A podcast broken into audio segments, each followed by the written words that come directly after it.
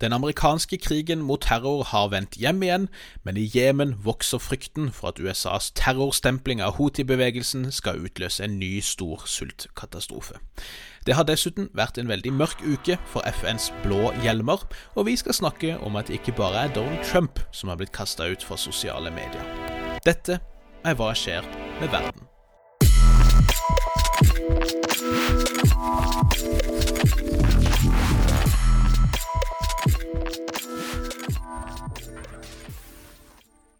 Hei og hjertelig velkommen til en ny episode av podkasten Hva skjer med verden? Denne podkasten for deg som er interessert i internasjonal politikk og krig og fred og alt det rotet midt innimellom der. Mitt navn det er Bjørnar Østby, og jeg har som vanlig med meg min gode kollega, kompanjong og makker Nick Brandal. God mandags ettermiddag, får vi si, Nick. Ja, eh, sjøl takk, Bjørnar. Eh, det Kulda er jo over, men eh, desto våtere i Oslo i dag. Ja, det, det laver i hvert fall ned med snø utenfor eh, mitt vindu. Eh, vi skulle jo ha begynt på morgenen egentlig, men, men du måtte til en, eh, en tannlegevisitt, faktisk.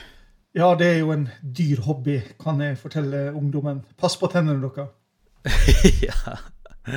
Og jeg, jeg, jeg, skulle nesten spørre Ellers er du frisk som en, en, fisk, men jeg burde kanskje spørre Er du lykkelig som en, en, en fisk, i lys av det, det, Noen ganske interessante politiske kommentarer, får vi si, av Mr. Jacob Rees-Mogg i det britiske parlamentet nydelig.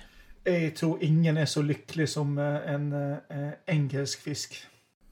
Ja, for det er engelsk, ikke britisk, altså. Ja, det tror jeg vi må slå fast, for den skotske fisken er alt annet enn lykkelig når den eh, sitter fast i ei byråkratisk eh, trailerkø på vei til det europeiske kontinentet og råtner bokstavelig talt på rot.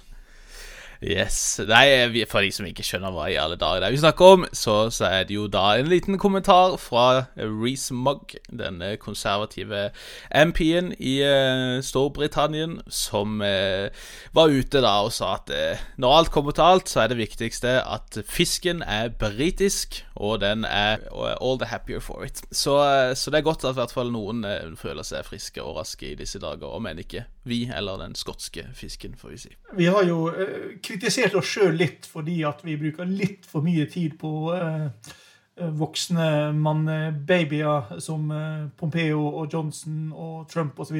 Men til vårt forsvar mot oss sjøl Hvis vi ikke skulle snakke om eh, voksne mannebabyer, så hadde ikke vi kunnet snakke så veldig mye om i internasjonal politikk. altså. Nei, det er dessverre bare en del av, av det gamet vi er i. Og vi skulle gjerne ønske at det ikke var sånn. Men, eh, men, vi må jo bare prøve å dokumentere det som er der ute. Og da kanskje det blir neste, ditt neste bokprosjekt. 'Age of the Man Baby'. Ja, altså, jeg, jeg, var jo på et seminar om populisme der eh, en internasjonal autoritet på feltet mente at når du skulle snakke om politisk ekstremisme i det store hele, så måtte du ta bort det som handla om eh, narkotika og rusmiddel. Og Da kunne ikke de meg. Da sa jeg ganske halvøyt hvis du tar bort uh, det som handler om menn som bruker narkotika og rusmiddel, hvor mye av verdenshistorien blir egentlig igjen da? Fint lite, får en si. Fint uh, lite. Etter det jeg vet, så er ikke vi på verken narkotika eller andre rusmidler akkurat nå, med mindre du har noe sånn uh, bedøvelse eller greier som flyter rundt i dine systemer. Men vi har ei sak som handler om alt annet enn uh, menn og rusmiddel, Bjørnar. Ja, ja, vi måtte bare snike inn en liten oppdatering. Det er jo ganske smalt, får vi si, når vi, når vi er inne på uh, den siste batchen av uteksaminerte politikonstabler fra Karachi, Pakistan. Men, men uh, det var verdt å nevne likevel. Uh, og det, det som det var faktisk ikke det at dette var noen av de nyeste kvinnelige politikonstablene eh, som ble uteksaminert, som liksom var mest nevneverdig her, men, men det slående og ganske skremmende faktum at politiet i Karachi har gått for den giftige komboen eh, rulleskøyter som transportmidler, med da automatvåpen i, i hendene. Eh, så eh, jeg ville ikke umiddelbart følt meg tryggere hvis jeg vandra rundt i Karachi med slikt rullende, tungt bevæpna politi, men uh, each to their own, får vi si. Vi skal ikke sitte her uh, på Bjerget og, og dømme, vi, uh, Nick. Og jeg tror dette kan bli en kickass ny amerikansk politiserie. som, som, følger opp denne her med disse syklende politiene fra 1990-tallet. Det høres ut som en banger in the making. Eh, på forhånd må jeg få bare beklage at, eh, at, min bakegård, der det er et byggeprosjekt, tidvis låter som slaget ved Kursk. Så hvis det er litt sånn støy i bakgrunnen, så, så får vi bare skylde på, på veidekket, eller det som nå heter Norder. og så, så, beklager vi litt likevel. Og med det så får vi bevege oss over inn i vår sedvanlige ukentlige oppdatering fra det internasjonale nyhetsbildet.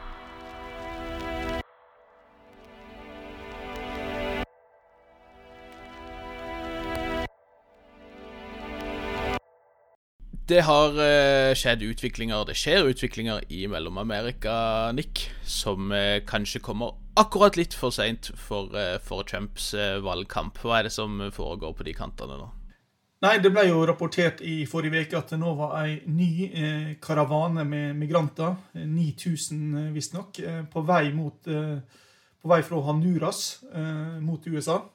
Eh, det, de flykta jo som sedvanlig fra vold og fattigdom, men også eh, to, to, ganske kraftige orkaner ramma Honduras i, i november og, og, utløste da denne nye bølga med, med migranter. Så kom de første til eh, Guatemala, eh, der de da eh, hadde et sammenstøt med regjeringa, eller regjeringsstyrker, politifolk, som førte til at elleve migranter ble skadd, og to politifolk. Og ja, ca. 1300 ble arrestert eller sendt tilbake. Men det er da over, over 7000 som fortsatt er i Guatemala. Og meksikanske myndigheter er jo da det neste steget, og de har jo satt grensa i beredskap for å ta imot dem. Så hvis de skulle komme seg så langt, så kan vi vente et nytt slag. Og om de når fram til eh, USA, eh, den amerikanske grensa, og hva som skjer der, det, det blir jo i tilfelle en, en, interessant test på det nye Biden-regimet når det gjelder grensekontroll. Eh, men det er klart, for Donald Trump å se at favorittemaet hans kommer nå, og ikke under valgkampen, må jo være litt skuffende. Ja, en skulle tro det. En skulle tro det. Når det er sagt, så har jo USA eh, nok å, å skjeve med sjøl eh, i disse dager. Og man kan jo vel eh, godt si at den amerikanske krigen mot terror har kommet hjem. Eh, kanskje de burde tatt med seg litt av dette demokratiet de la igjen i Irak og Afghanistan også i samme slengen. Men eh, faktum er i hvert fall at det nå er langt flere soldater i sentrale Washington DC enn det USA har utplassert i Afghanistan, Irak, Somalia og Syria til sammen. Eh, og det er langt flere styrker på plass enn det har vært tidligere også, eh, som jo sier et og annet gjerne om hva som er den reelle terrortrusselen, eller i hvert fall den største, mest umiddelbare terrortrusselen eh, mot USA. Og Likevel så skal det sies at Pompeo som vanlig prøver å, å peke på et eller annet og avlede litt oppmerksomhet i retning noen andre skumle folk, og, og det ser ut som han nå prøver å liksom booste trusselen fra Al Qaida nok en gang. Han har jo egentlig brukt ganske mye tid på å si at Al Qaida er ferdige. De har vi liksom knust. og vi har gjort det vi skulle gjøre i Afghanistan, så liksom Taliban var ikke vår opprinnelige fiende. Vi kan trekke oss ut, det går greit, for vi skulle egentlig bare ta Al Qaida, og de er jo done for uansett, så who cares. Eh, men nå er tydeligvis Al Qaida ganske skumle igjen, da, plutselig, og, og det siste nå som Pompeo kunne eh, kunngjøre, at, eh, at de har flytta sitt operative hovedkvarter til Iran, og at de ikke lenger eh, opererer i dette AFPAC-grenseområdet som sin, liksom, eh, sitt hovedsete, og i den grad det finnes fortsatt. Dette er jo egentlig ganske gamle påstander. Det er påstander som blir lagt fram uten noe særlig bevis. Og det er en kjent sak at, at Iran har, om ikke samarbeida, så i hvert fall koordinert eller tillatt noen Al Qaida-ledere å oppholde seg i landet. Vi snakka eh, i høst om en Al Qaida-leder som ble drept antageligvis av Mossad i Iran.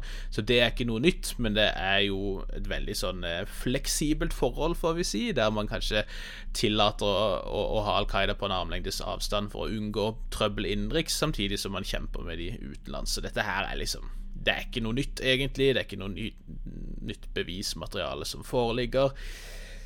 Så det virker egentlig bare som et litt sånn desperat forsøk på A avlede litt oppmerksomhet, og B bare demonisere det iranske regimet ytterligere, så vidt jeg kan, så vidt jeg kan forstå. Ja da, og altså Det var jo en innlegg i New York Times i forrige uke som i bunn og grunn sa at det Pompeo holder på med nå, det er å, å, å brenne alle bruer som står igjen, for, for å hindre at den nye Biden-administrasjonen skal kunne gå tilbake over i ja, ja. og i hvert fall da, sant, hvis Det er jo desto vanskeligere da å argumentere for at man skal få gang igjen på denne avtalen med Iran, hvis Iran egentlig er liksom vertskap for Al Qaida. da, og man, man brukte vel også anledninger til å Eh, gjendesignere Cuba som en statlig sponsor av terrorisme. Og, og, man har også, som vi skal avslutte podkasten med, eh, brukt terroriststempelet også da på denne Houthi-bevegelsen, en iransk støtta opprørsbevegelse i Jemen. Så man har virkelig slengt rundt med terror og terrorsponsorbetegnelsene i, i det siste, og, og det kan, kan, bli noe som, som Biden må deale med ganske raskt i sitt presidentskap. Ja, og det mest dramatiske var jo egentlig det mest low-key, nemlig at man åpna direkte diplomatiske forbindelser med Taiwan, som vi mm. nevnte i, i, forrige uke. Mm. Eh, og alle disse trollene her, unnskyld uttrykket, eh, får ikke Biden-administrasjonen ned igjen i eska. Eh, Cuba er nok det letteste. Mm. Eh, men, men, de andre sakene her, så, så, må man rett og slett forholde seg til at det, nå er verden slik. Mm, mm. Og jeg har sett for så vidt jo en del sånn Ja, om det er eksperter på kjernevåpenpolicy, eller om det er Midtøsten-eksperter, eller hva det skulle være, men at det er veldig mange som er ute etter å og, og jekke Pompeo ned noen hakk nå. Han har jo brukt de siste ukene egentlig bare på å legge ut masse greier på Twitter-kontoen sin med masse sånne uh, best of uh, maga-hashtags med 'leading from the front' og alt mulig tull. Eh, der han liksom da har, har eh, annet skrevet om amerikansk swagger og funnet en ordboksdefinisjon på swagger, for det er det som liksom har prega måten de har operert på. Han har skrytt alt de har fått til med Nord-Korea, der de som sagt ikke egentlig har fått til noen ting som helst, fordi at dette moratoriumet man fikk på plass med, med, testing av interkontinentale ballistiske missiler og sånt, det kom jo på plass etter at Kim allerede hadde fått testa mye av det han hadde lyst til å teste, så liksom det var en ganske grei posisjon for de å, å være i, og, og, det ser ut som Kim i all hovedsak har fått akkurat det han ville ut av, av Trump. Så ja, jeg ser i hvert fall flere sånn i liksom foreign policy-establissementet som, som, er rimelig lei av, av Pompeo, som betegner han som, som, nærmest en klovn og en sjarlatan og, og, det som verre er, da. Og så vil jo tida vise altså Mye av det virker som det er en sånn personlig bitterhet også, spør du meg. Og så vil jo tida vise liksom hvor, hvor lenge en del av disse eh, nye ordningene og sånt vil, vil eh, holde, da. Altså, Her faller nok tre ting sammen. Den, den, ene er at dette faktisk passer inn i den utenrikspolitiske linja som Pompeo og, og Trump har fulgt nå i fire år. Eh, så, så, la oss ikke glemme det. Dette er ikke noe vi finner på eh, nå for å gjøre det vanskelig for Biden. Men dette gjør det vanskelig for Biden, og det er en bonus. Og den mm. tredje dimensjonen dette passer godt inn i Biden 2024-kampanjer. Eh, hvis han velger å, å, stille. Altså Han har kunnet holde på med dette mens eh, resten av administrasjonen, mange andre, har dumma seg ut. Eh, gjort ting som gjør de uspiselige for flertallet av uavhengige velgere, iallfall. Hvis de skal stille som president i 2024. Pompeo derimot har kunnet brukt de siste ukene til å holde på med ting som bare gjør han mer attraktiv som presidentkandidat, hvis han velger det. Mm, mm, mm. Veldig interessant. Eh, når vi er inne på amerikansk utenrikspolitikk og, og, en del av de greiene der, så må vi kanskje snakke litt om eh, amerikanske sanksjoner og, og, litt utviklinger på den fronten, Nick. Ja, vi har jo uh, fulgt uh, Nord Stream 2-gassledninga intimt. Kanskje, kanskje, nærmere enn noe andre norsk nyhetsmedium. det er ikke langt unna, faktisk. Har til og med padla noen hundre meter unna et av de største skipene som holdt tak i dette her. Jeg skulle jo si at det er kanskje kun lokalmedia i Kristiansand som har skrevet mer om Nord Stream 2-nyheter. det er ikke langt unna. Men, eh, og, og, og, her kom jo USA i 2020 med nyheter om at de nå ville innføre sanksjoner mot alle personer og institusjoner som hadde noe med denne rørledninga å gjøre som mm. gjorde det veldig vanskelig for eh, de tyske aktørene å delta i ferdigstillinga. Mm. Men delstaten Mecklenburg-Vorpommern, som er der da denne rørledninga skal komme i land i Tyskland, har nå eh, funnet en vei rundt det, tror de.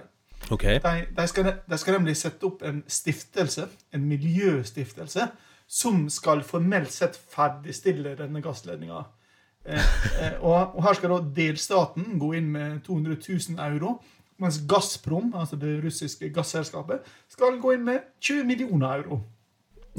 eh, og dette selskapet skal da stå for alle eller stiftelsen skal da stå for alle innkjøpene osv. Eh, og, og juridisk så er det ingenting i veien for dette. fordi det, Tyskland er en føderalstat der delstatene har veldig stor makt. Altså Alt som ikke står eksplisitt i Grunnloven er føderalstaten sitt område, er delstaten sitt område. Så, mm. så, så Mecklenburg-Vorpommern kan gi dette her, altså opptre som en utenrikspolitisk aktør og inngå sånne avtaler og opprette disse stiftelsene. Mm. Eh, men eh, de har jo fått ganske kraftig kritikk, eh, ikke minst fra Ukraina, som anklager delstaten for å gå Russlands ærend eller legge seg i paddeflate for Putin. Mm. Eh, det grønne partiet har vært veldig kritiske, på miljøgrunnlag, naturlig nok. Men kanskje mer interessant er jo at SPD, altså Sosialdemokratiske partiet, sin utenriksminister i da denne storkoalisjonsregjeringa, Heiko Maas, har gått ut og kritisert at eh, delstaten gjør dette uten å snakke med regjeringa i Berlin i det hele tatt. Mm, mm. Så foreløpig så er det på, på planstadiet, men dette er en plan som er gjennomførbar dersom Mecklenburg-Vorpommern vil gjøre det. Og de satser vel også på at Biden-administrasjonen ikke vil gå like hardt etter allierte eh, som eh, Trump-administrasjonen gjorde. Nettopp, nettopp. Hæ. Jeg må bare si det. Mecklenburg får Pommern for et kanonnavn, altså. Ja, altså, eh, ja og, og, og, dette er jo en viktig delstat eh, i vår historie. Fordi eh, altså Mecklenburg-Schwerin, som det da heter Hovedstaden her er jo i byen Schwerin var hovedleverandør av dronninga til Danmark-Norge gjennom historien. Der ser du, der ser du.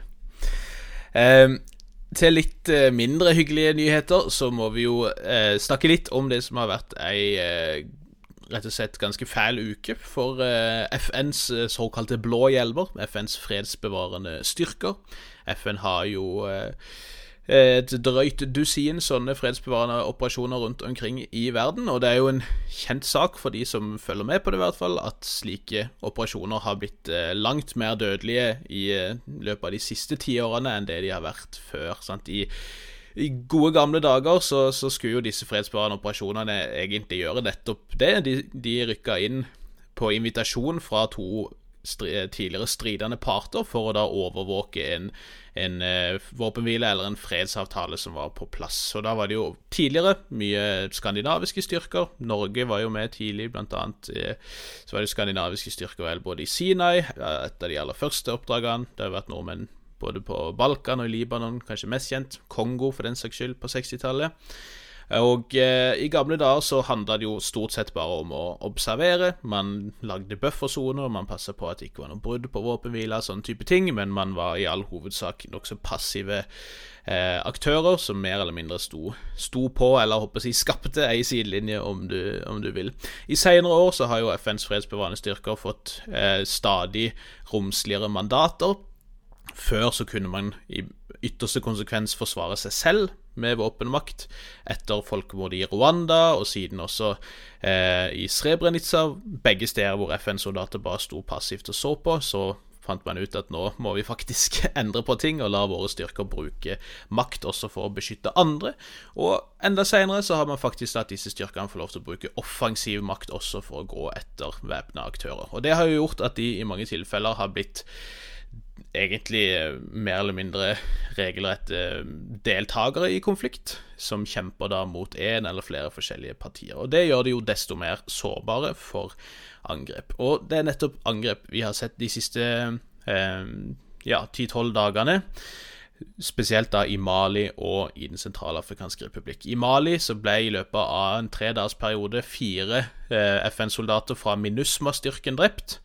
Eh, tre av de var fra, uh, unnskyld, fra Elfenbenskysten, en av de var fra Egypt. Mens i Rwanda, unnskyld, i Den sentralafrikanske republikk ble en rwandisk MINUSCA-soldat eh, drept også i et eh, angrep eh, like utenfor hovedstaden. Vi skal ikke snakke så mye om Den sentralafrikanske republikk i dag, men, men det har altså vært nye angrep like utenfor hovedstaden, eh, der FN-styrker sto i front, og, en rwandisk soldat da ble drept. Dette etter flere burundiske soldater også har blitt drept før. Og Dette er jo noe vi ser. Før var det gjerne ganske små, eh, nøytrale land, sånn som Norge, Sverige, eh, Danmark og lignende, som, som, sendte styrker. Nå er det stort sett styrker fra eh, det vi før kalte den tredje verden, som da gjerne må gjøre drittjobben, og så betaler liksom de største statene for, for utstyr og, og lignende. da. Og det er det, det, vi også ser her, de som faktisk tar støyten. Det er sjeldent eh, personell fra, fra, vestlige stater, men, men, de fra forskjellige utviklingsland som, som bistår i disse operasjonene. I eh, Mali så var det jo før nyttår eh, totalt 231 medlemmer av styrken som hadde blitt drept siden 2013, eh, eh, hvorav da 134 av de har mista livet som følge av det som kalles malicious acts. da og eh, kan jo bare nevne veldig kort Vi snakka litt sist uke om, om, at det er diskusjoner i Frankrike rundt hele dette her med hvorfor skal vi holde på som vi gjør i Mali og i Burkina Faso, Niger, hele Sahel-beltet, når det er så lite suksess å vise til. Og, og, eh, jeg har sett nå noen kommentatorer som prøver å dra paralleller til USAs eh, eventyr håper å si, i eh, Sørøst-Asia, spesifikt Vietnam, der man liksom sier at ja, amerikanerne visste altfor lite om det lokale terrenget, de baserte seg på en helt sånn feilslått dominoteori, bla, bla, bla. Um, og det samme ser vi nå i Sahel. Um, et motargument vil jo være å si at franskmennene kjenner seg helt langt bedre enn det USA noensinne kjente Sørøst-Asia, fordi de har masse fartstid der. Veldig mange av det militære lederskapet i Frankrike kjenner veldig godt til militære ledere i Sahel. Veldig mange av de har tjenestegjort der. Eh, og så er det nok litt mer eh, håper å si, troverdighet i en sånn type dominoteori i, i eh, Sahel. Dominoteorien i Sørøst-Asia var jo at hvis Vietnam faller, så kommer landene lenger sør til å falle ett etter ett til, til liksom eh, kommunistene, da. Um, I Sahel så er vel ikke problemet nødvendigvis at ei jihadistgruppe skal ta kontroll over alt, men mer at denne usikkerheten bare forplanter seg fra land til land, potensielt nedover til kysten. Og det har vi jo for så vidt indikasjoner på at kan skje, så, så det er ikke så søkt, kanskje, som det, som det var i USA eh, sitt tilfelle. Kan også nevne veldig kjapt at Jenim, denne Al Qaida-gruppa i Sahel, også har vært ute og antageligvis plukka opp hva som skjer i Frankrike og debatten der, og var ute med ei lang lekse, både på arabisk og, og, engelsk, så i hvert fall, sikkert på fransk også, der de eh, poengterte da at eh, Og dette etter de hadde stått bak flere dødelige angrep mot franske tropper. At Sahel ikke er noen terrortrussel for Frankrike. Det er aldri noen fra Mali som har angrepet Frankrike, men det er veldig mange franskmenn som har drept veldig mange Eh, borgere i Mali. Eh, og de inntok en, en litt sånn Taliban-aktig posisjon igjen, da, der de på en måte antyder at hvis ikke Frankrike kødder med de, så kommer ikke de til å kødde med franskmennene. Litt sånn som Taliban også har operert. Kanskje dette også for å prøve å, å mykne opp den franske posisjonen med tanke på forhandlinger på sikt. I tillegg til at det har vært en dødelig uke for fredsbevarende styrker, så har det jo også vært en tragisk og for så vidt frustrerende uke eh, i Vest-Darfur. Vi snakka sist uke om at eh, FNs fredsbevarende oppdrag, oppdrag, i Darfur, UNAMID, at de har nå eh, avslutta sitt oppdrag der. Eller de trekker seg ut i løpet av et halvt år, men de har nå formelt overgitt ansvar for sikkerheten i Darfur til Sudan selv. Eh, og kort tid etter dette så har det brutt ut væpna kamper. Det kalles for, i media i hvert fall som tribal battles, men det høres ut som det er da mellom arabiske og ikke-arabiske samfunn i Vest-Darfur. Eh, der det siste jeg har lest nå, er at 80-83 sudanesere da har mista livet i disse eh, kampene her. Og dette da altså under to uker etter at, at man anslo at situasjonen var stabil nok til at Sudan kunne ta over. Det er det tydeligvis ikke, eh, tilsynelatende i hvert fall, selv om dette ikke er de store opprørsgruppene som man tidligere har forhandla med. Um, men jeg har sett i media i hvert fall at lokale som har blitt fordrevet, gjerne peker på at Unamid sin retrett fra området har skapt et nytt sikkerhetsvakuum, at disse styrkene som går inn der fra statlig hold, gjerne ikke ses for å være legitime eh, lokalt sett, og, og at det eh, kan være med på å bare forverre den lokale eh, usikkerheten. da. Så det har vært en ganske bøs uke, rett og slett, for FNs blå hjelmer, får vi si. Og noen som har hatt eh, nok av bøst å stri med i de eh, siste tiårene, får vi si, det er jo palestinerne. Men i Palestina går det kanskje mot valg, Nick? Ja, det, og det skulle jo bare mangle. Det 15 år siden det forrige parlamentsvalget, og det er 16 år siden det forrige presidentvalget. Yes. Eh, og eh, Mahmoud Abbas, presidenten, eh, presidenten som i praksis er på Vestbredden og har fint litt å si i Gaza, der Hamas har kontroll, mm. har fått økende press fra EU e over tid, men også tydelige signal fra den innkommende Biden-administrasjonen om at det nå er på tide å ha valg igjen. Mm. Eh, og han annonserte da på fredag at eh, nå blir det valg. Eh, og det blir parlamentsvalg først. Det skal holdes i mai. Så blir det presidentvalg i juli. Og så blir det valg på PLO-lederskapet i august. Mm. Og Hamas har akseptert at det skal holdes valg, at det skal holdes fredelige valg. Eh, etter at de ble utsatt for ganske heftig press fra Qatar, som har, eh, er de som egentlig betaler for moroa på Gaza. Unnskyld uttrykket. Det er ikke spesielt moro på Gaza. Nei. Eh, så nei, det var egentlig veldig dårlig gjort å si det. Qatar er de som finansierer Hamas i stor grad. Mm. Og de har også annonsert at de ikke vil stille en egen kandidat mot Abbas, som dermed kan regne med å bli valgt som president. Mm, mm. Men eh, Eh, Abbas har jo da med denne rekkefølga her sikra seg at hvis han ikke liker resultatet i parlamentsvalget, så kan han avlyse presidentvalget, nei, i parlamentsvalget så kan han avlyse presidentvalget og bare bli sittende videre. Og det er jo ingen som ikke tror at Hamas vil gjøre det godt i parlamentsvalget. Mm. Og altså, det vi har sett over tid, er jo også at Hamas har gått mer mot å bli også et profesjonelt parti. Mm. De var i utgangspunktet en religiøs bevegelse som stilte til valg. Eh, eller de var også en religiøs bevegelse. altså Hamas er veldig mye rart. Mm. Eh, positivt og negativt. Eh, men nå har de økende grad blitt et profesjonelt parti som åpenbart har ambisjoner om å spille en rolle ikke bare i palestinsk politikk, men egentlig i regionen som helhet. Mm. Samtidig så har vi også hatt økende opposisjon mot eh, Abbas innad i Fatah. Og eh, Abbas har jo hengende over seg en del korrupsjonsanklager, for å si det slik. Mm. Så ja, det, det, er jo nå da to naboland, hvis vi kan kalle det det, Israel og Palestina, som begge skal ha valg denne våren. Med to ledere som har klart å holde seg ved makta over ganske lang tid. Som antageligvis vil fortsette å klamre seg til makta etter disse valgene. Kanskje det er en vei til å forene jøder og palestinere en gang for alle, i forakt for sine felles korrupte ledere. Det var dagens positive spinn. eh, valg har vi jo hatt eh, også i Uganda. Valg i anførselstegn, får vi vel nesten si. Ehm, I Uganda så har den uh, sittende presidenten Joeri Museveni på 76 år stilt til valg uh, nok en gang mot Bobby Wine, som er jo egentlig en, en, musiker som siden har blitt en parlamentariker, og som da stiller som president. Han er 38, altså hvis min eh, matte er riktig, nokså nøyaktig halvparten så, så gammel som, som Museveni, og, og er jo tilsynelatende veldig populær, spesielt blant unge ugandere. Så det var jo håp om at kanskje dette skulle bli et rettferdig valg. Ja, og kan du den mest kjente sangen til Bobby Wine, Bjørnar?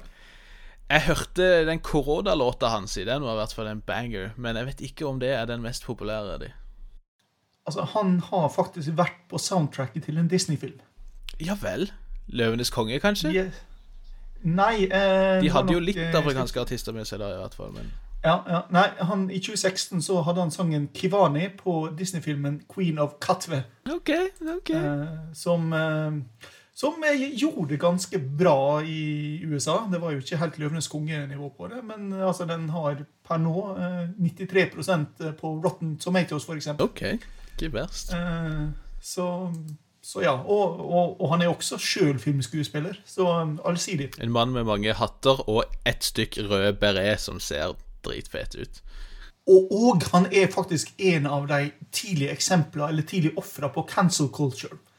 Han skulle nemlig opptre i Storbritannia, i Birmingham, på en sånn etnisk eh, popmusikkfestival i 2014. Men når arrangørene fikk høre eh, hva tekstene hans sa om homoseksualitet, så fikk han beskjed om å holde seg hjemme. Ja, der ser du.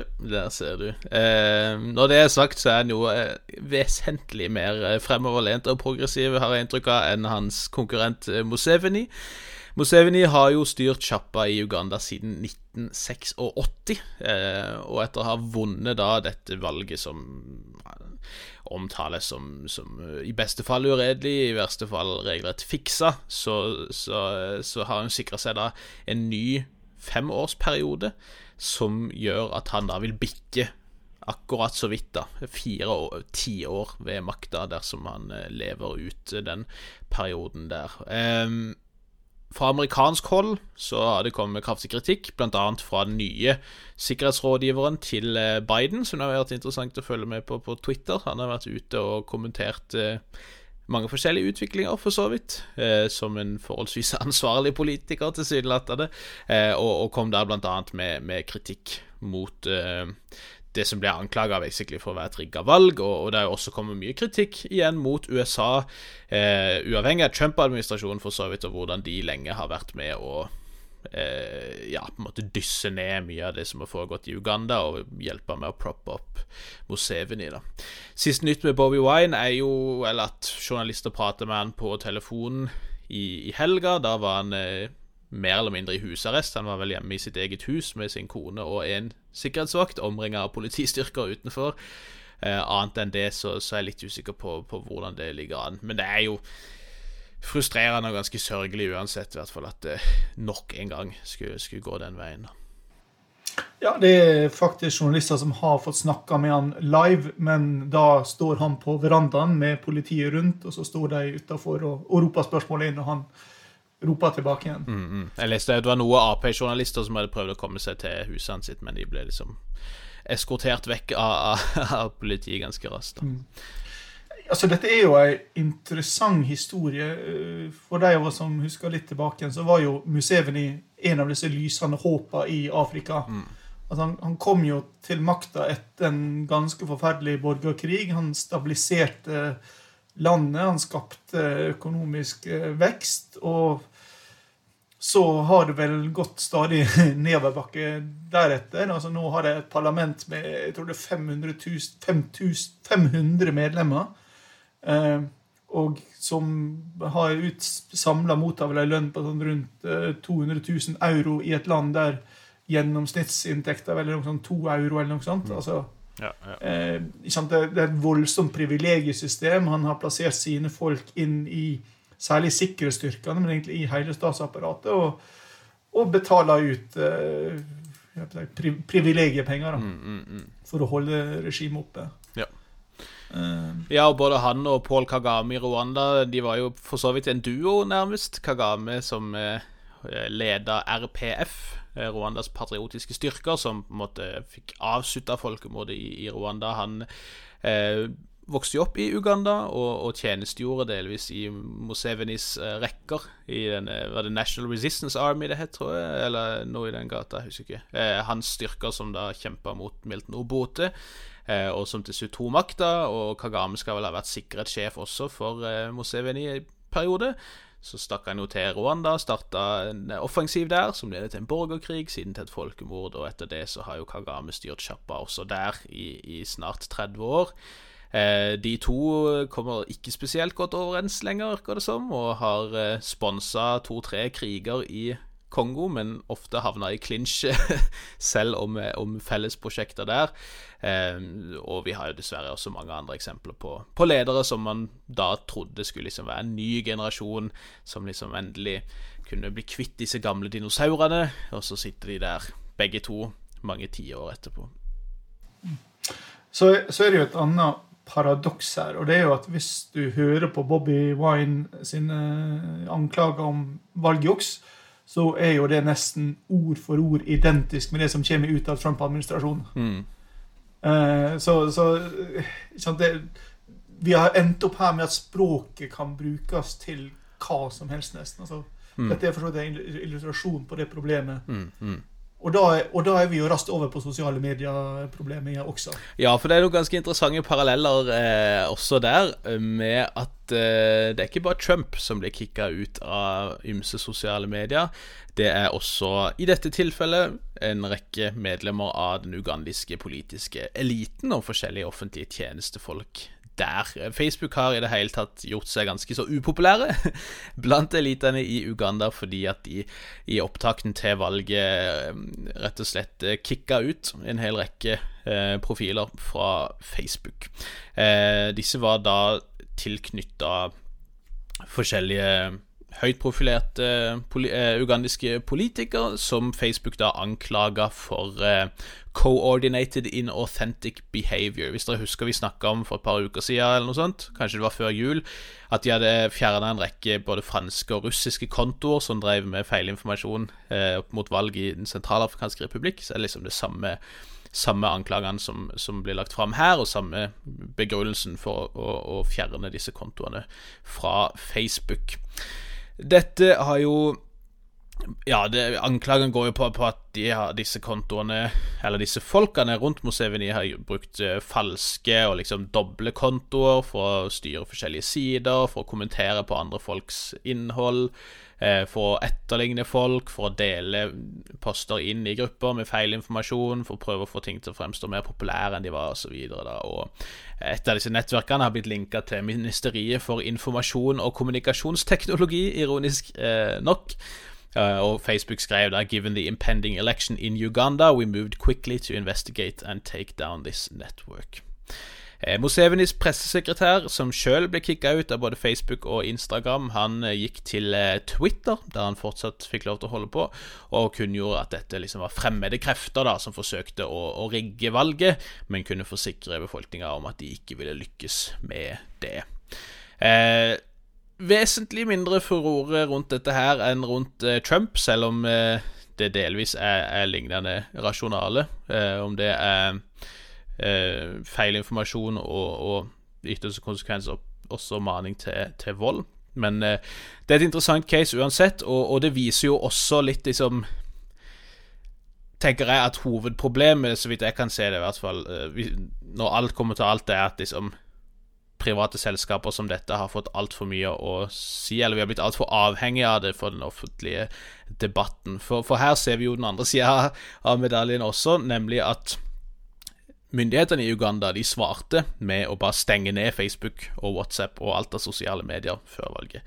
Det hadde de nok fort kunne gjort uansett, men jeg har sett flere Uganda-kjennere påpeke at Facebook burde nok visst at dette antageligvis ville skjedd, og at de egentlig bare ga Moseveni og, myndighetene der et eh, ekstra liksom eh, påskudd for å, for å beskrive dette som liksom bare hevn, eller for liksom retaliation da mot, mot Facebook. Um, men sant, i og med at så mye av vår eh, kommunikasjon og, og, og, debatt for så vidt foregår på disse mediene, så er jo den andre sida av saken da at det potensielt i statene desto mer eh, makt dersom de stenger ned. Så i dette tilfellet så er det Facebook først som kicker ut en del kontoer. Staten, delvis planlagt antageligvis, delvis som et svar, stenger ned sosiale medier og stenger til slutt ned internett før valget. da. Eh, det er faktisk også andre som har blitt kicka ut, bl.a. noen av disse FARC-avhopperne i Colombia, som har eh, gått vekk fra den fredsavtalen man fikk der i 2016, og som maner til vold igjen. De har blitt kicka ut av Twitter og Facebook nettopp fordi at eh, deres konto da skal ha oppfordra til voldsbruk. Så det er sikkert ikke noen trøst, men, men, men, det er mange andre enn bare Trump som som rammes, for å si det sånt, da, av denne dynamikken her. Jeg kan nevne også bare veldig kjapt at uh, Parler, som vi nevnte sist uke, de mista jo uh, hostinga fra Amazon, som, som, rett og slett uh, ikke lenger ville holde oppe denne tjenesten for Parler. og de har jo da gått til sak mot Amazon. I den forbindelse så har Amazon da valgt å legge fram de har, Når de har lagt frem sin sak, så har de også da lagt frem en rekke konkrete innlegg fra Parler som de sier de sjøl har sendt til eh, eh, de som driver dette, denne appen, eh, med liksom advarsel om at her må dere gjøre noe. Og når det ikke skjedde, så har de da til slutt valgt å trekke det her. Og, og disse innleggene det er ganske forstyrrende greier. altså. Det er jo blant annet da snakk om at man skal at det blir borgerkrig den 6. januar. Det har vært masse drapstrusler mot Jack Dorsey, Twitter-gründeren, og Mark Zuckerberg, Facebook-gründeren. Eh, noen skrev at eh, After the firing squads are done with the politicians, the teachers are next.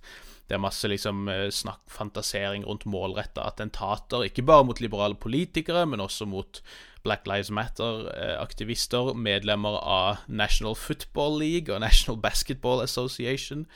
Eh, snakk om å skyte politiet og masse, masse graps, altså. Eh, også antisemittisk, anti-svart type rasisme. Eh, og det er noen som går så langt som å sammenligne det å drepe Antifa med å trykke på en kakerlakk. Så det er liksom noe av den mest klassiske og forstyrrende av humaniserende type retorikken eh, vi kjenner fra historien. Og, og det er mye av dette da, sier Amazon at de velger å slutte å støtte dette, i hvert fall inntil at man har noen redaktører som faktisk eh, modererer noe av innholdet. Vi var så vidt innom det i ei bisetning tidligere, Nick, men uh, i Tyskland er, er, det sånn at vi eh, begynner å få uh, klarhet i hvem som skal uh, følge etter Angela Merkel, nå som hun etter hvert skal tre av. Ja, det trodde vi jo at vi hadde fått vite i 2018, når Anne Grete Kramp-Karrenbauer ble valgt som ny partileder. Eh, mens Merkel da fortsatt som kansler eh, fram mot valget som skal være i, i høst, faktisk. Men etter at Karenbauer, eller Kramp-Karrenbauer mislykkes i å holde partidisiplinen, altså mye styr i, i flere delstater, Eh, så valgte hun å gå av. altså Hadde åpenbart ikke autoriteten. Så da måtte partiet ut på ny leit. Eller dette er jo strengt tatt to parti. Jo CDU, CSU, altså en del i Nord-Tyskland og en i Sør-Tyskland. Eller en protestantisk og en katolsk, for å Aha. overforenkle det ganske kraftig. Mm, mm. Uh, og Det betydde jo at det ble en ny kamp mellom uh, de ulike fløyene i partiet, der Merkel har representert en sånn sentrum-høyre-moderat fløy. Og så har den en mer eh, hva skal jeg si, liberalist, økonomisk liberalistisk og kulturelt konservativ fløy, mm. uh, som aldri har likt Merkel, men som Merkel har kua ganske kraftig. Ja, ja. Eh, og disse stilte jo opp med hver sin kandidat. Eh, Merkel-fløya stilte med Armin Laschet, og eh, den andre fløya stilte med Friedrich Merz. Og eh, som sist så var det Merkel sin kandidat som vant, så hun demonstrerte egentlig at hun fortsatt har ganske mye makt over dette partiet. Mm, mm. Eh, men seieren nå er jo ganske midlertidig. Eh, problemet med altså, Laschet er jo at han ikke er spesielt karismatisk. Eh, og han har ikke blitt valgt som kanslerkandidat. Det kan hende at Merkelfløya velger å stille med en annen kanslerkandidat. Mm. Altså at han fortsetter som partileder, men at de velger en litt mer karismatisk eh, til å lede valgkampen. Og han må bestemme seg for hva han skal gjøre med den tapende eh, opposisjonen, mm. som var ganske bitre etter å ha lidd nok et nederlag mot Merkelfløya. Mm, mm. Eh, og, og, og, krevde at nå måtte de få posisjoner, fordi de mente at nå, dette var funksjonærsjiktet i partiet som hadde overkjørt grasrota. eh, og de krevde jo da at Merz eller noen annen eh, fra den fløya måtte minst bli eh, få eh, finansministeren, som i Tyskland er en ganske viktig posisjon. Det er det for så vidt overalt, men kanskje særlig i Tyskland. Eh, spørsmålet nå er jo skal Merkel og Laschet ta dem inn i varmen, gi dem en posisjon? som de ganske sikkert vil bruke til å utfordre makta i framtida? Eller skal en holde dem utafor og risikere at eh, partiet blir splitta? Mm. Eh, og dette går foreløpig greit så lenge Merkel sin personlige autoritet er der, men i det øyeblikket hun går av, forsvinner ut av politikken, får vi vente, så eh, er det et spørsmål om Laschet har den nødvendige makta og karisma til å holde dette her. Mm. Og, og, dette har ganske store konsekvenser for europeisk politikk, og dermed også for verdenspolitikken framover. Mm. Eh, altså, det, det, vil bestemme en god del for hva som skjer i EU. Altså, Merkel og, og Tyskland har jo vært tilbakeholdne. Eh, og særlig har det vært viktig for å balansere Tyskland og, nei, Frankrike og Storbritannia, som liksom har representert ytterpunkter i integrasjons, integrasjonsspørsmålet. Mm. Nå er Storbritannia vekk. Og de har Macron, som vil veldig mye, ha veldig mye integrasjon i EU. Mm. Eh, og der er nok Larseth Laschet mer på linje med eh, Macron, eller iallfall nærmere Macron, og på at eh, integrasjon i EU også må være politisk og sosial og kulturell. Mens Mertz Merz eh, nok står for en mer økonomisk integrasjon. Ja, resten får være. Mm. Som for så vidt er litt pussig, ettersom han, selv om han er katolsk, da, så er han faktisk etterkommer etter franske hugnotter. Og mora hans var fransk. okay, okay, okay. Så, men men ja. Eh, og så forstår jeg at du også har plukka ut uh, opp at eh, litt mer uh, Laschet og internasjonal politikk-nyheter, Bjørnar? Ja, altså, jeg, jeg, kjenner ikke til mye rundt fyren eller, eller noe sånt. Men, og jeg følger altfor lite folk som kan, kan, tysk politikk. Men jeg har eh, merka meg at mange av de som har fulgt mye med på Midtøsten og Syria, og som, som har ekspertise der, har bare flagga litt at han eh, godeste Laschet har eh, nokså åpent og offentlig på, på Twitter liksom kommer med både en del sånn søkte påstander, men også lefla med litt sånn regelrette konspirasjonsteorier rundt ting fra den syriske borgerkrigen. Da han har vært eh, ganske raskt til å spekulere i f.eks. At, eh, at det ikke var Assad som brukte kjemiske våpen, men at det kan ha vært den islamske stat heller. Um, og, og så er det spesielt én tweet som har gått, uh, gått sin gang de siste dagene, der han uh, regelrett anklager Obama, eller om det var Biden, men i hvert fall Obama-administrasjonen, for å samarbeide med IS og, og den da Al Qaida støtta Nusra-fronten mot eh, Assad-regimet. Eh, det er jo eh, feil. samme hvordan du vrir og vender på det, egentlig, selv om man kanskje havner på samme side av konflikten, hvis man ser veldig isolert på det. så jeg har sett han har fått litt pes for det. Jeg har sett noen tyskere si at han er litt vel eller kanskje bare ikke nok antirussisk, men i hvert fall at han er litt tettere på Russland enn det andre skulle ha foretrukket, uten at en vet helt hva hva det, hvor det kommer fra. da Men, men jeg merker meg i hvert fall det, at, at en del sånne foreign policy-nerds på internett er, er lunkne, da, enn så lenge. Avslutningsvis så må vi jo en liten tur til eh, Mosambik.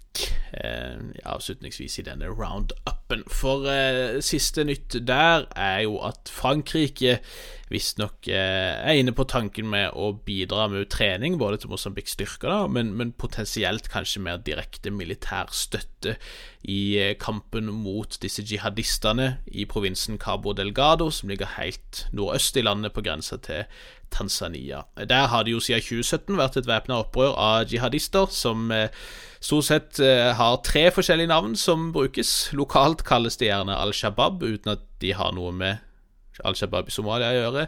Formelt så heter de Al-Sunna og Al-Jama, men i økende grad så omtales de som Den islamske stats sentral-Afrika-provins, på lik linje da med en annen gruppe i, i Øst-Kongo for øvrig. Uansett, de har vært aktive siden 2017. De har siste året tatt stadig større områder, eh, stått for stadig flere angrep. Og det siste nå, i denne konflikten som har kosta, ifølge myndighetene sjøl, over 2400 mennesker livet og sendt over 570 000 på flukt, det er at angreperne har nådd eh, noen av disse prosjektene eh, for å hente ut naturgass i denne Cabo Delgado-provinsen. Det er en eh, region som er veldig rik på naturressurser. Jeg har egentlig bevisst ikke snakka så mye om det, for da blir det så fort sånn spekulasjon i at eh, konflikten handler bare om ressurser og sånt, når det egentlig ikke er tilfellet, eh, hvis du spør ekspertene, i hvert fall. Men det er uansett tilfellet at det er masse naturgass langs kysten der, og franske Total har bl.a. Eh, sikra seg store deler av, av aksjene og, og, står i bresjen egentlig for et av de prosjektene der. Og nå, rundt nyttår, så har det vært flere angrep inn mot dette totalprosjektet. Og Det er nok nettopp derfor at Frankrike også begynner å bli litt mer opptatt av hva som foregår der. Eh, rundt nyttår så angrep de en, eh, disse jihadistene en landsby som Total da hadde bygd i utkanten av dette prosjektet, der de da har flytta lokalbefolkninga og, og liksom eh, bosatt de der i stedet. Og selv om angrepet ble slått tilbake, så oppnådde nok jihadistene mye mer enn det de hadde håpet på, for resultatet er at eh, Total da har sendt hjem veldig mye av staben sin, de har stoppa konstruksjonsarbeidet for en periode, etter det media melder, i hvert fall, og, og, det ser ut som at de rett og slett må sette dette litt på, på vent. og det at Frankrike tilsynelatende først blir interessert etter ressurser kommer under press, det blir jo så klart masse vann på mølla for de som mener at alt egentlig bare handler om gass og olje i utenrikspolitikk og sånn.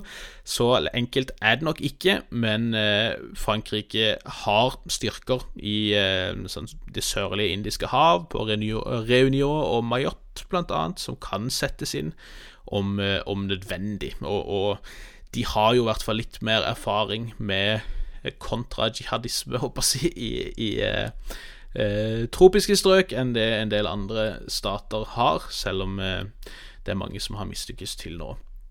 EU skal for øvrig også opprette et eh, oppdrag ledet av Portugals utenriksminister, eh, som skal da til Mosambik denne uka etter planen, der de skal utforske muligheter for EU-samarbeid med type trening, bidra med utstyr. Man er visst bekymra for at eh, piratvirksomhet fra Somalia skal trekke seg lenger og lenger sørover, og ønsker å jobbe mot det, osv. Så, videre. så Så det skjer en hel del ting på den fronten der nå.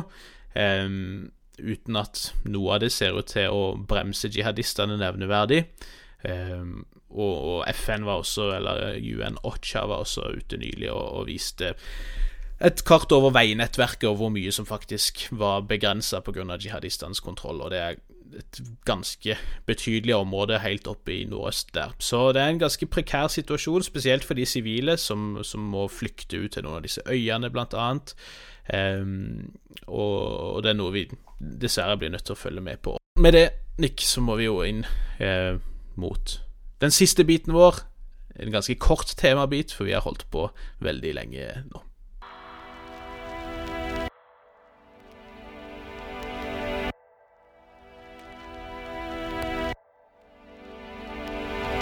Vi nevnte jo sist uke at eh, USA og Mike Pompeo Kommer vi til å savne han, Bjørnar? det kommer veldig an på hvem du spør det. Jeg tipper Benjamin Netanyahu kommer til å savne han eh, sårt. Men eh, utover det så kommer ikke jeg til å kjenne på noe veldig stort personlig savn, i hvert fall. Det Så ærlig må jeg være. Nei, Men han, eh, han eh, annonserte da i forrige uke at han, før han forlot kontoret for siste gang, skulle erklære at Houthi-bevegelsen i Jemen var ei terrorgruppe. Mm. Som ville få ganske store konsekvenser for alle som kunne tenke seg å samarbeide med denne grupperinga i nødhjelpsarbeid i Jemen, som er ganske prekært akkurat nå. Det, det, det, er helt riktig. Du nevnte jo så vidt sist uke, og sa også at det var frykt for at dette, denne terrordesigneringa kunne forverre den humanitære situasjonen. Vi snakker ikke så mye om hvorfor det, men, men grunnen er jo, som du sier, rett og slett er at nødhjelpsorganisasjoner er nødt til å deale med disse hotiene for å få nødhjelp til befolkninga som trenger det. Hotiene det er en opprørsgruppe som har mottatt eh, mye støtte fra Iran i eh, kampen mot en koalisjon som består av Jemens myndigheter, men også støtta av Saudi-Arabia og De forente arabiske emirater. Konflikten har vel holdt på siden 2015, da, eller da den koalisjonen gikk inn.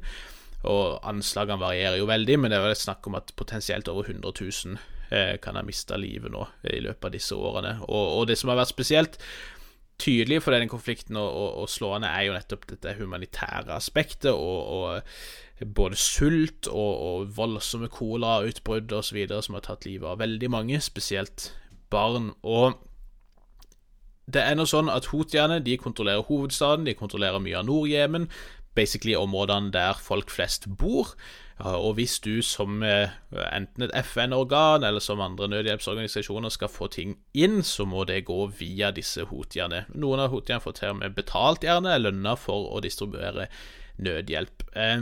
og hvis disse da blir labela som terrorister, så er det jo eh, type gjerne lover og reguleringer som gjør at disse forskjellige nødhjelpsorganisasjonene ikke faktisk har lov til å deale med dem. Det er én ting. Og så har det vært snakk om at kanskje USA kan eh, liksom få på plass noen lisenser, eller liksom lage noen sånne smutthull som gjør at nødhjelp likevel kan gå til de og, og lignende. Men problemet stopper på en måte ikke der, fordi anslagsvis 90% av all maten som går inn eh, altså, i Jemen, den importeres utenifra, og man er jo redd nå for at eh, både internasjonale aktører som kan selge dette her, ikke ønsker å deale med houthiene. Man er redd for at banker som har prøvd å hjelpe med å få opp igjen økonomien, vil prøve å trekke seg ut. Så det kan få veldig mange forskjellige ringvirkninger, da. Eh, FNs sjef for humanitære anliggende, en som heter Mark Lowcock, han har advart om at vi nå har potensial for å se den verste hungersdøden på 40 år i Jemen. Eh, og dette skjer jo etter man har hatt humanitær krise i flere år, etter at Saudi-Arabia har blokkert veldig mye nødhjelp på vei inn til Jemen. Eh, allerede så er jo så mye som nesten 50 000 eh, i ferd med å sulte i hjel i det som han her, eh, Sjefen for humanitære affairs beskrev som en liten hungersnød, men at du har da sånn fem millioner som på en måte er like bak de i rekka. Man regner med at over 13,5 millioner opplever akutt matusikkerhet. Dette kan stige til 60 eh, millioner i løpet av sommeren. Dette gir en befolkning 16 eh, millioner innen sommeren. Dette gir en befolkning på, på 30 millioner. Så det er en, en rett og slett eh, veldig prekær situasjon. Altså, motivet til amerikanerne er å prøve å isolere Iran ytterligere, samtidig som man støtter gode allierte i Saudi-Arabia. Rent politisk sett så har jo FN advart om at dette potensielt bare polariserer eh, ytterligere og gjør det desto vanskeligere å komme til en, for, eh, en, en fremforhandla avtale. Eh, og at altså, politisk sett også så gjør det ingenting enklere, i hvert fall, i, i eh, konflikten i Jemen. Ja, så vi, vi, kan jo ta en sånn kjapp og forenkla beskrivelse av hva, hva konflikten her handler om. Og den, Bortsett fra det interne i Jemen her, så, så handler det om geopolitisk om eh, kontroll med eh, dette her Bab, Bab el Mandeb, altså eh, sundet som forbinder Rødehavet med, det, med det, det, indiske havet, kan du si. Altså in, mm. innseilinga der.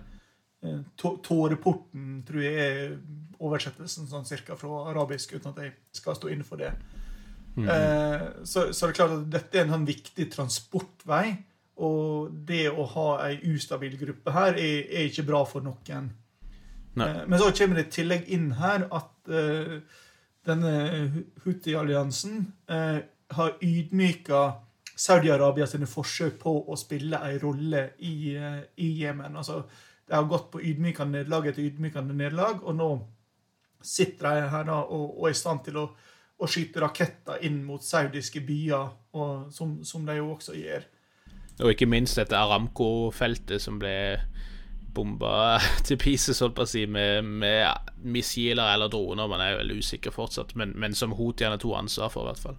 Men, men, så kommer jo idiotien i dette her inn. fordi selv om Houthiene er Shia, eh, og dermed tilhører den samme greina av islam som Iran gjør, så eh, tilhører ei undergruppe, eh, Saidi, som på vesentlige områder skiller seg eh, teologisk fra den versjonen du har i Iran.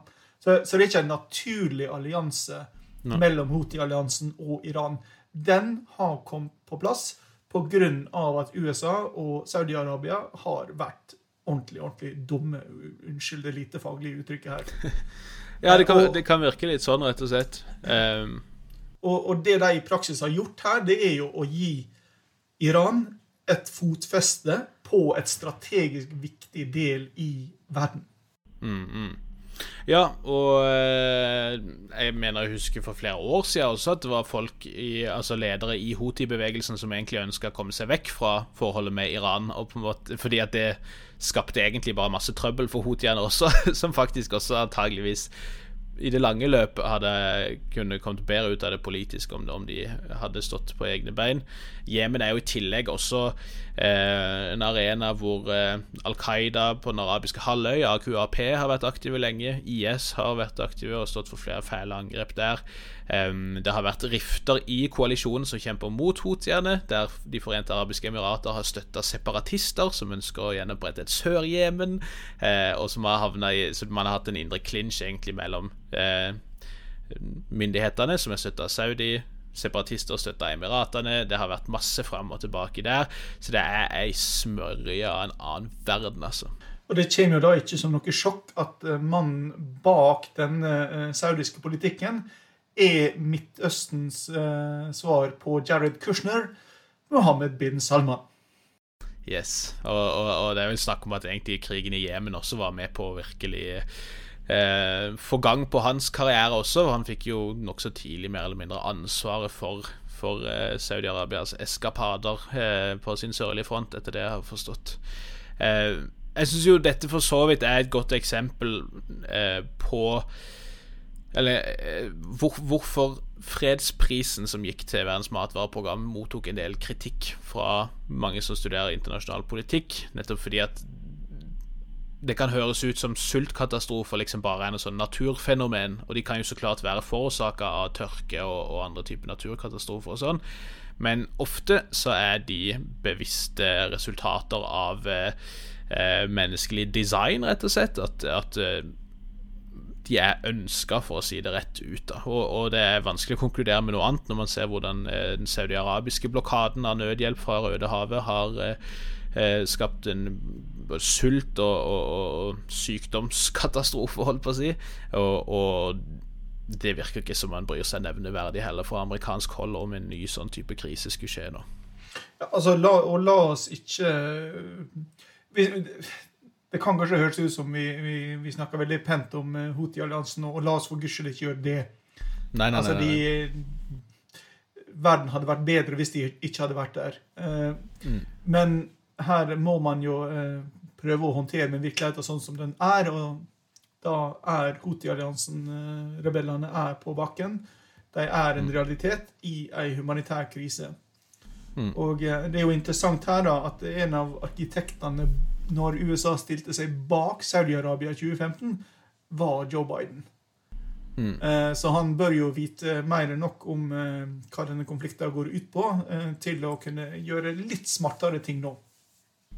Og det er for så vidt en ganske sørgelig kapittel fra Obama-administrasjonen òg. De har i det hele tatt fryktelig lite å vise til i, i Midtøsten. Noe, noe, av gode ting, i hvert fall. Der noe Trump kan til en viss Eh, grad, i hvert fall, med disse Abraham-avtalene.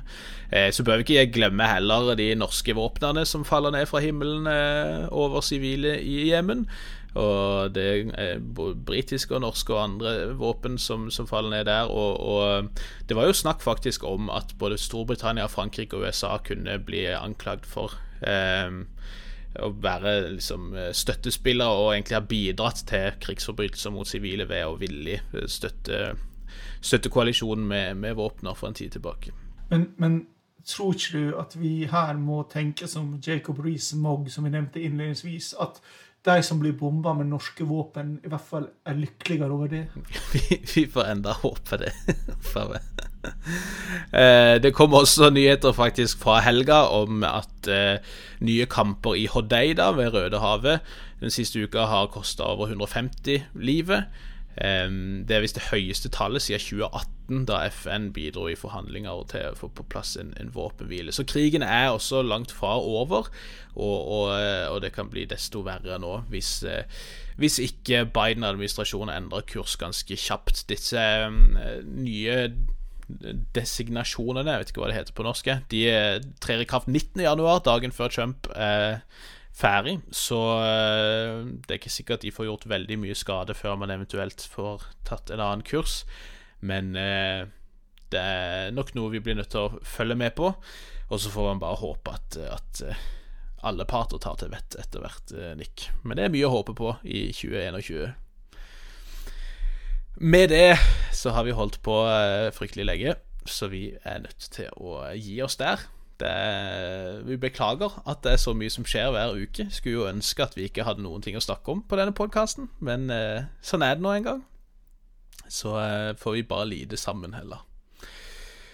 Vi får si takk til, til deg, Nick. Sjøl takk, Bjørnar. Takk til alle som har fulgt oss av dere lyttere, og så er vi tilbake igjen veldig snart. Allerede på onsdag kommer det en liten eh, ekstraspesial, eh, Nick. Kan ikke du fortelle litt om, eh, om, om den? Jo, vi har fått med oss eh, tre gjester som eh, skal prøve å si litt om eh, Trump, Biden og internasjonal politikk. Det er Torbjørn Knutsen fra NTNU, Bernt Hagtvedt, som er vår kollega, og Dag Einar Thorsen fra Universitetet i Sørøst-Norge. Og da blir det litt diskusjon rundt liksom, det som skjedde 6.1, og hva, hva, slags konsekvenser kan det ha for USAs omdømme, og, og en del sånne interessante spørsmål rundt det. Vi får si takk, farvel, ha det, vi snakkes.